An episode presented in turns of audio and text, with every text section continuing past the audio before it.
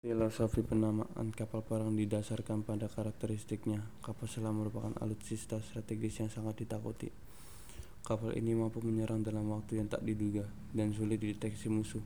Tak hanya itu, kapal selam mampu membawa senjata yang dapat menenggelamkan kapal lain seperti torpedo, ranjau, dan bom laut. Dan peluru kendali jenis submisil. Kapal selam juga bisa digunakan untuk menyerang sasaran di darat dan peluru kendali jarak jauh baik konvensional maupun balistik.